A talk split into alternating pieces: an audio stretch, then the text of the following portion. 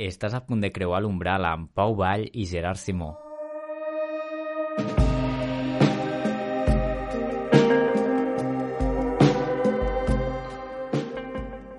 Benvinguts i benvingudes a una altra setmana a l'Umbral. Que sí, que encara fem episodis. Sí, sí, no, no ens enterreu encara, que hem estat un temps inactius, però prometem tornar carregats amb, amb novetats i amb nous episodis cada setmana o cada dues setmanes. O cada tres, o almenys, bueno, aneu mirant els Insta Stories per veure si publiquem alguna perquè les nostres vides són una mica irregulars ara mateix. Sí, estem acabant la carrera i durant el mes d'abril vam estar rodant el nostre treball final de grau i la veritat és que no vam tenir temps de, de publicar episodis que teníem pensats, però no passa res, perquè els anem publicant a mesura que podem i, i agraïm no començar a perdre dramàticament seguidors.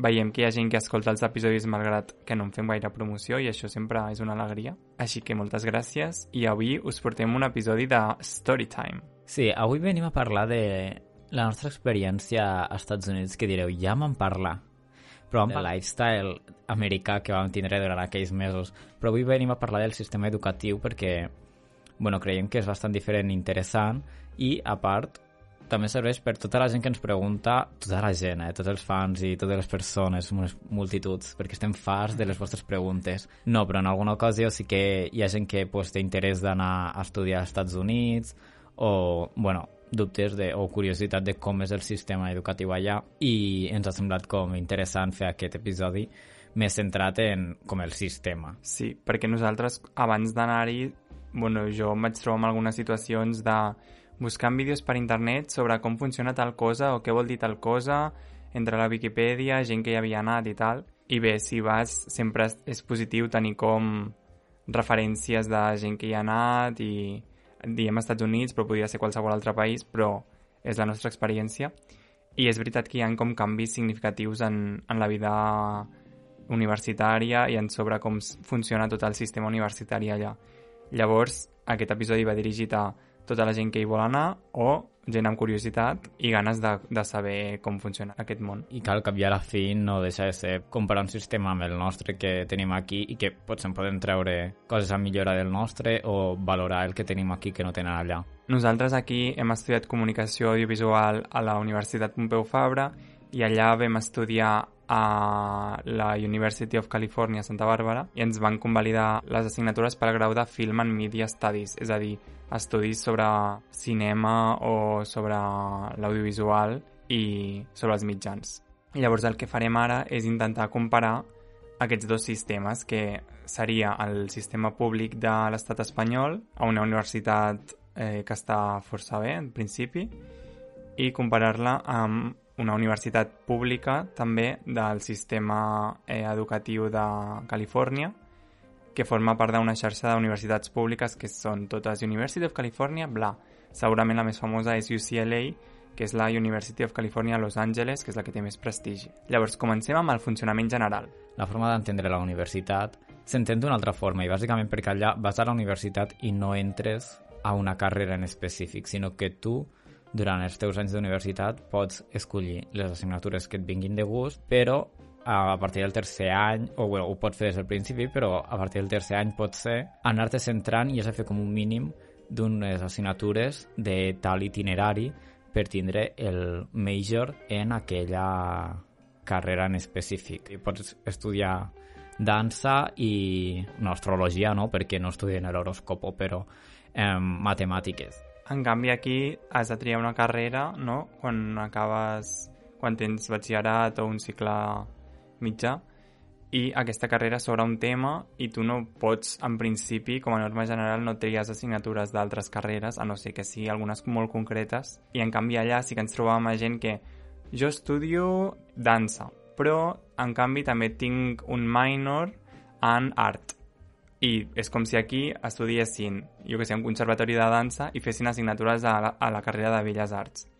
Allà la forma d'entendre la universitat és com molt més àmplia i general, podríem dir, i com està centralitzada en una, en una convivència amb una sèrie d'edificis que estan junts físicament, provoca que el sistema sigui més obert i que permeti que els estudiants fluctuïn entre diferents graus. És a dir, no és tan important el coneixement específic sobre una matèria, sinó que es dona importància al, al coneixement ampli sobre moltes coses. Sí, bàsicament el bo que té és que pots començar la carrera pensant que vols ser matemàtic, però fer una assignatura de literatura anglesa per provar, saps? O per si tens curiositat, doncs la pots fer, o si no pot ser perquè pues, descobreixes que el que més t'agrada és la literatura, saps? I fas dues assignatures de matemàtiques i ho odies. Llavors tens aquesta oportunitat sense haver de canviar de carrera. Una d'aquestes diferències sí que és que hi ha majors i minors. I hi ha assignatures que són minors, que són les que començaries fent quan comences el teu període de la universitat i després hi ha els majors, que ja serien les assignatures més específiques de l'itinerari al qual tu vols tindre el teu major, no? O sigui, tu pots començar la carrera sense saber què faràs, en plan, sense saber quin grau tindràs quan surtis. I acaba dient, vale, el meu major és cinema, o, i el meu minor és música, si has fet menys assignatures d'aquesta altra matèria però no és com aquí que entres ja com super enfocat a una cosa. Això ens va semblar com una manera d'entendre el sistema universitari radicalment diferent aquí, que tothom està molt especialitzat en coses concretes i després el màster és encara més concret sobre la carrera i no sé què. I jo crec que aquest coneixement com més ampli marca bastant la diferència. També hi ha una, una diferència molt important, que és que allà a la universitat es diu, és a dir, el que aquí serien els graus, es diu Undergraduate School eh, això per si algú ha de buscar, i els màsters, que és el que aquí ara es fa després de la universitat, sobretot, o màsters o postgraus, es diuen Graduate School. I també poden ser... Normalment el Graduate School són menys anys, són dos o tres anys, i el Undergraduate, que seria la carrera universitària d'aquí, són quatre. Anem a parlar ara una mica sobre les assignatures i com funciona el tema de la matrícula perquè també és molt diferent sobre la concepció de la, de la universitat d'aquí. Nosaltres hem de dir que, clar, coneixem el sistema de University of California, que és aquest, aquesta xarxa d'universitats d'aquest estat, i en el nostre cas van tindre molta sort perquè van igualment amb trimestres, igual que la Pompeu, que això és com poc comú per crec que, de fet, a, allà tampoc crec que sigui el sistema més comú, pot ser. I aquí, a, a Catalunya i Espanya, tampoc. O sigui, ho fa la Pompeu, però la veritat és que no conec altres universitats que ho facin. Llavors no van tindre cap, cap canvi de calendari perquè vam seguir les mateixes 10 setmanes, bàsicament, de classe. Exacte. I això ens va facilitar bastant la vida, la veritat.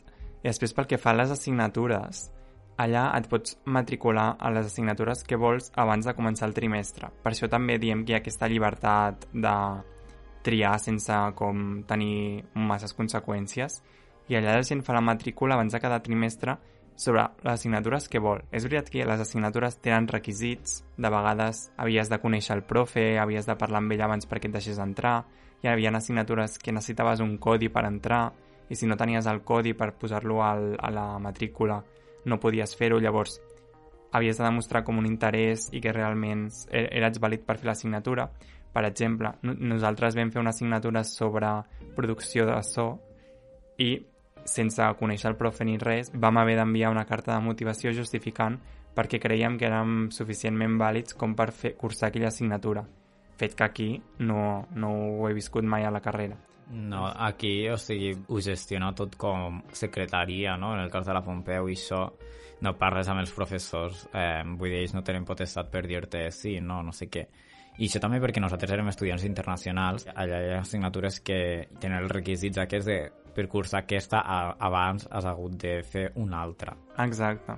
I nosaltres, com que anàvem d'estudiants internacionals que no podíem haver cursat les assignatures mm, passades, doncs sí que havíem com de fer aquestes coses per dir, vale, no hem cursat eh, Història del Cinema 1, però volem fer Història del Cinema 2 perquè només estarem aquest trimestre aquí. I, bueno, havies d'anar fent com gestions així i tindrem molt interès si realment volies anar a alguna interessant.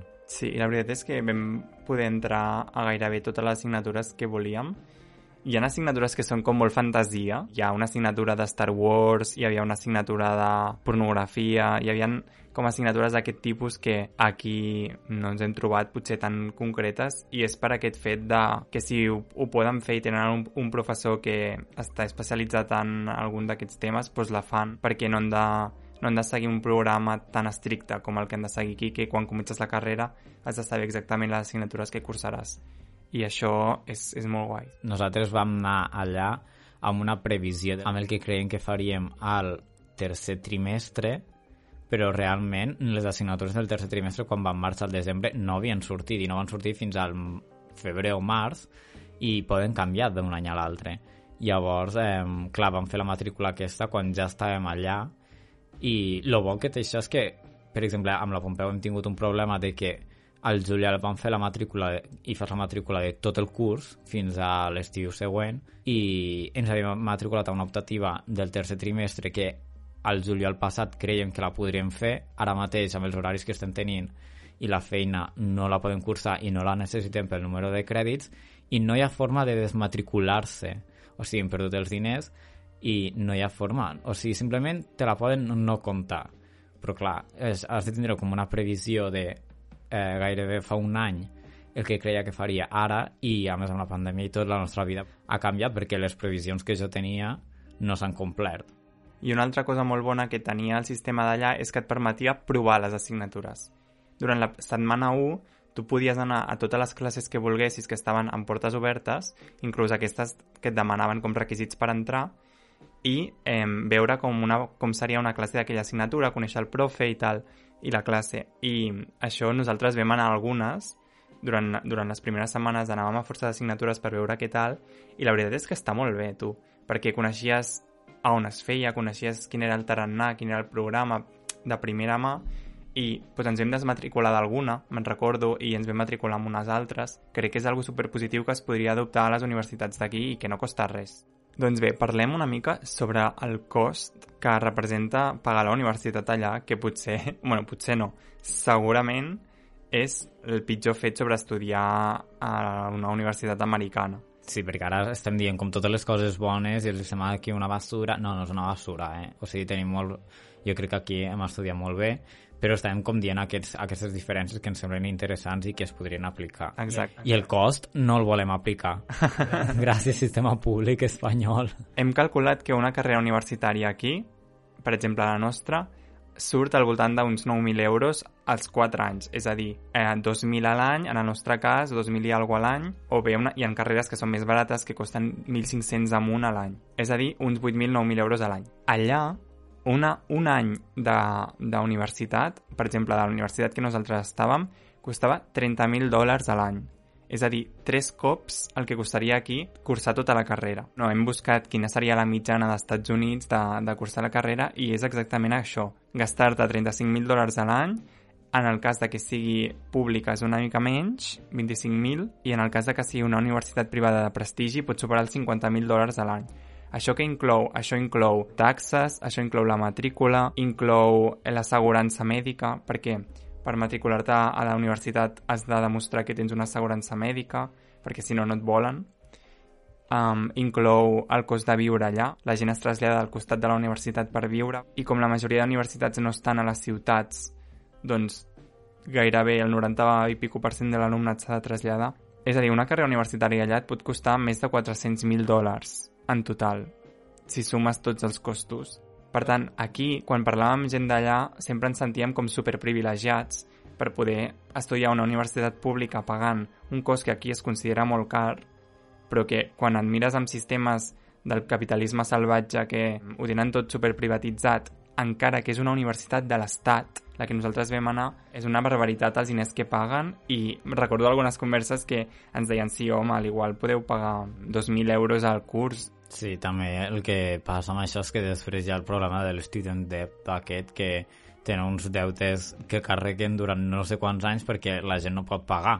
En plan, durant la carrera 400.000 dòlars i, bueno, pues estan tota la vida treballant per pagar això o, bueno, bàsicament el que passa és que entren a la carrera el, la gent que té diners. També hi ha tot el tema de les beques i això, esportives i tal, que, però bueno, vull dir, no tothom pot anar amb aquestes coses, igual que aquí també hi ha tot el sistema de beques i ajudes que pots fer la carrera sense pagar els diners que costi la teva matrícula. Sí, allà el tema de les beques esportives té molta importància i sí que et pot treure bastants milers de dòlars de sobre, però ara, davant dels diners i, i el cost aquest eh, astronòmic que suposa amb l'educació mm, superior allà, parlem una mica sobre l'experiència universitària allà, que jo crec que és, és un concepte diferent que la que hi ha aquí. És a dir, nosaltres estàvem a un barri que estava, la universitat estava al costat i que era molt gran, o sigui, hi havia com tots els edificis allà, hi havia un teatre, hi havia, hi havia un palau d'esports de, de bàsquet, unes instal·lacions esportives molt grans, amb piscina, amb camps de absolutament qualsevol esport. Hi havia un rocòdrom, hi havia gimnàs, hi havia unes quantes de bàsquet, interiors, exteriors... O sigui, paguen 30.000 dòlars, però la veritat és que viure allà és una gozada, perquè és que hi havia de tot. A veure, que no, no justifico pagar 30.000 dòlars a l'any, eh? Però sí que és, o sigui, el concepte de campus... Sí. No com, per exemple, nosaltres venim de la Pompeu, que està al centre de Barcelona i és un lloc on tu vas a fer la teva classe i després surts i estàs a mig de la ciutat i la vida universitària és si hi ha festes o així o amb els amics però allà la gent hi viu, és més un rotllo autònoma, saps? Una universitat autònoma que estan més aïllats i doncs tens totes les instal·lacions. Els estudiants treballen allà, fan extraescolars allà, és a dir, et podies apuntar un esport a la tarda, a fer ceràmica, a fer surf, a fer no sé què. Hi ha tot el tema dels clubs, de qualsevol cosa hi ha clubs, tal com a les pel·lícules, bàsicament, el resum es pot ser que les coses que veieu a una pel·lícula són tal qual, així ja ho vam dir a l'altre podcast, però també hi havia les fraternitats, o sigui, les fraternities, sororities, també amb això de les lletres gregues i tal, llavors això ja lliguen d'una forma rotllo secta, que és una forma de viure, en una sorority, saps, també. I amb això que són igual a la vida dels campus que a les pel·lícules, vull dir que, per exemple, a, aquesta última edició de l'americana vam veure Shithouse, una pel·lícula de Cooper Rife, que crec que és el seu debut, i parlar sobretot d'un noi i la seva vida al campus i bàsicament ens vam sentir super emmirallats perquè també era una universitat de, de Califòrnia i era, bàsicament era això, el, descriuen les, les pel·lícules igual que su vida misma. Sí, sí, totalment. I eh, hi ha una part bona de tot això, que és que jo crec que la gent recorda com la universitat allà com algo molt lligat a un lloc, a una gent concreta i tal, que aquí també, però és una altra experiència perquè és el que dius tu, estar a la ciutat et fa que o sigui, l'experiència universitària sigui intermitent, no? perquè tu tornes a casa, vas, jo què sé, vas al teatre, eh, vas a aprendre alguna cosa amb altra gent, no sé què, i allà és com una immersió, la gent es muda i després tu et fas una vida nova quan comences la universitat allà perquè normalment no coneixes a la gent ni res si ets de fora. En el meu cas he dir que jo venia d'un poble i vaig a Barcelona, també em vaig mudar i tal, però clar, això, està al mig de la ciutat. Sí que tinc amics que han anat a l'autònoma i sí que és més aquest rotllo, eh, he de dir, perquè viuen en pisos que estan allà i viuen envoltats només de gent que van a l'autònoma. Alhora també una cosa molt curiosa sobre les universitats d'allà és el merch, és a dir, el merchandising que tenen sobre la seva pròpia universitat i l'orgull que hi ha sobre anar a aquesta universitat. Tothom tenia alguna peça de roba sobre UCSB en aquest cas, però això passava amb totes les universitats i existia tots els objectes possibles amb el logo de la universitat, jaquetes, paraigües, llibretes... O sigui, hi havia literalment una botiga del Corte Inglés gegant que era, és, bueno, és realment impressionant, no? Si ho compares amb la vitrina, amb el, la samarreta i el boli de la UPF. I, bueno, això demostra també com una manera de fer diners, perquè era caríssim, però també com un orgull com de l'alumnat de com pertany a aquest cercle. Sí, sí, era, és com patriotisme, però de la teva universitat.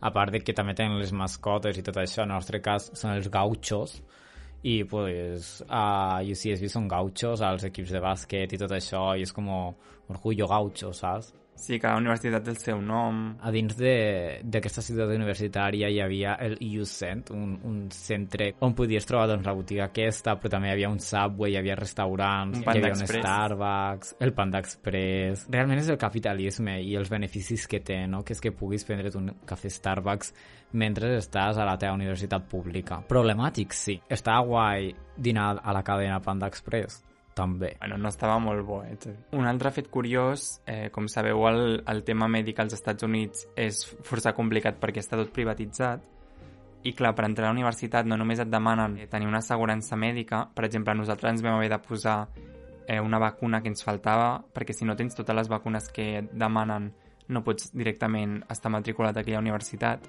Llavors jo vaig tenir com un accident durant la meva estada allà i vaig haver d'anar al metge i tenen com un portal universitari del centre mèdic o la clínica mèdica d'allà.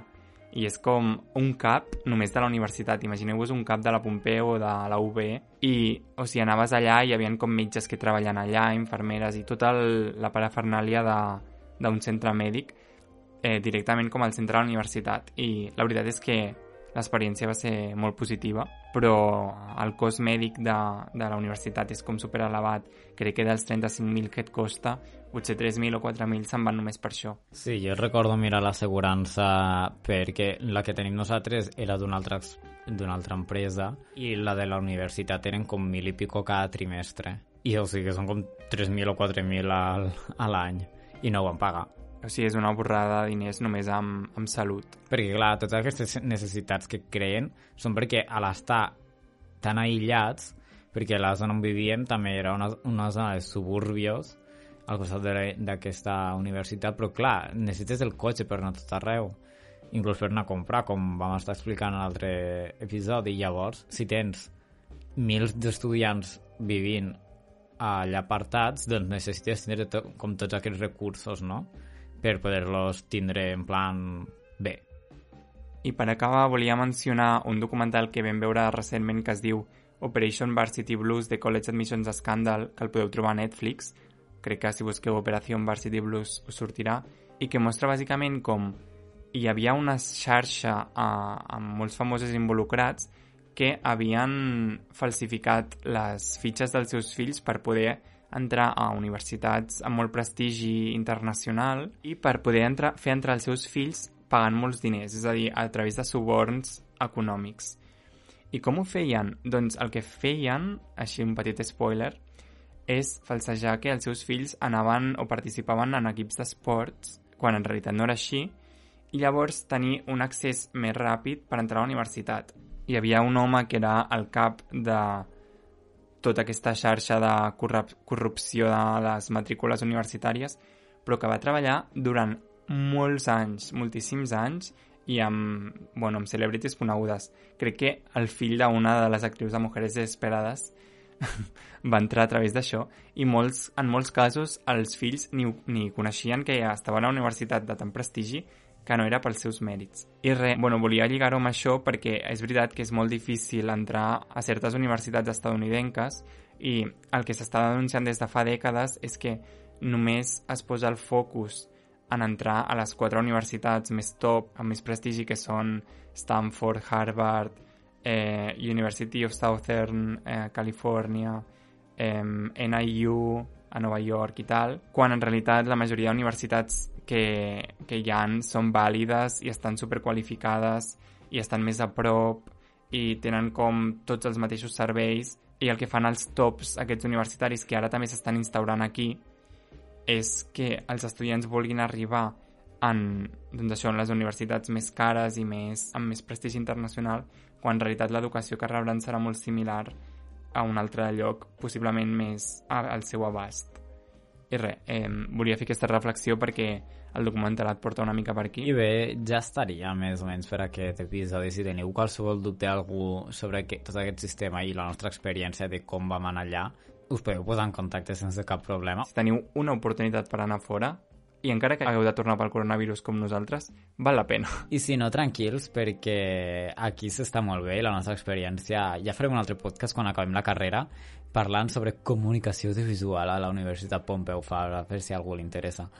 Però aquí s'està molt bé i la veritat és que l'experiència que hem tingut nosaltres puc avançar que ha estat molt bona i positiva, no sé altres llocs, però vull dir que no té res a envejar al, al que hi havia allà. Òbviament hi ha aquestes diferències, però tampoc és que estigui malament, saps, aquí. El que estaria bé és que els avantatges i inconvenients d'aquests sistemes es complementessin i des d'aquí fos més fàcil emmirallar-nos en les coses bones que té el sistema americà, per exemple, perquè nosaltres hem tingut aquesta experiència, però pot ser de qualsevol altre país, i allà eh, siguessin capaços de reflexionar que la gent no pot estar tota la seva vida pagant una carrera universitària, per exemple. Ja, però això és impossible. En canvi, fer el canvi aquí crec que és més factible, així que hola, Pompeu Fabra. Eh, si hola, nou rector. Si estàs escoltant, aplica aquests canvis, que no em vull matricular coses del juliol que després, al juny següent, no sé que, si les podré fer. I ja està, fins aquí ha arribat aquest episodi de Storytime sobre la nostra experiència universitària comparant-la amb la d'aquí.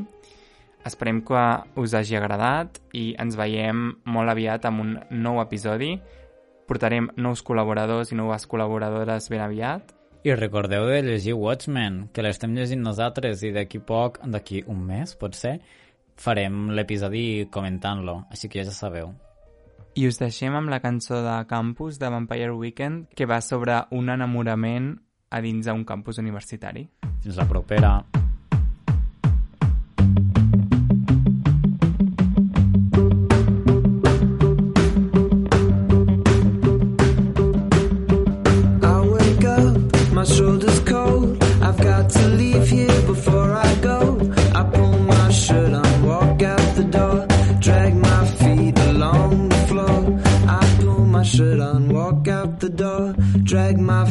alone.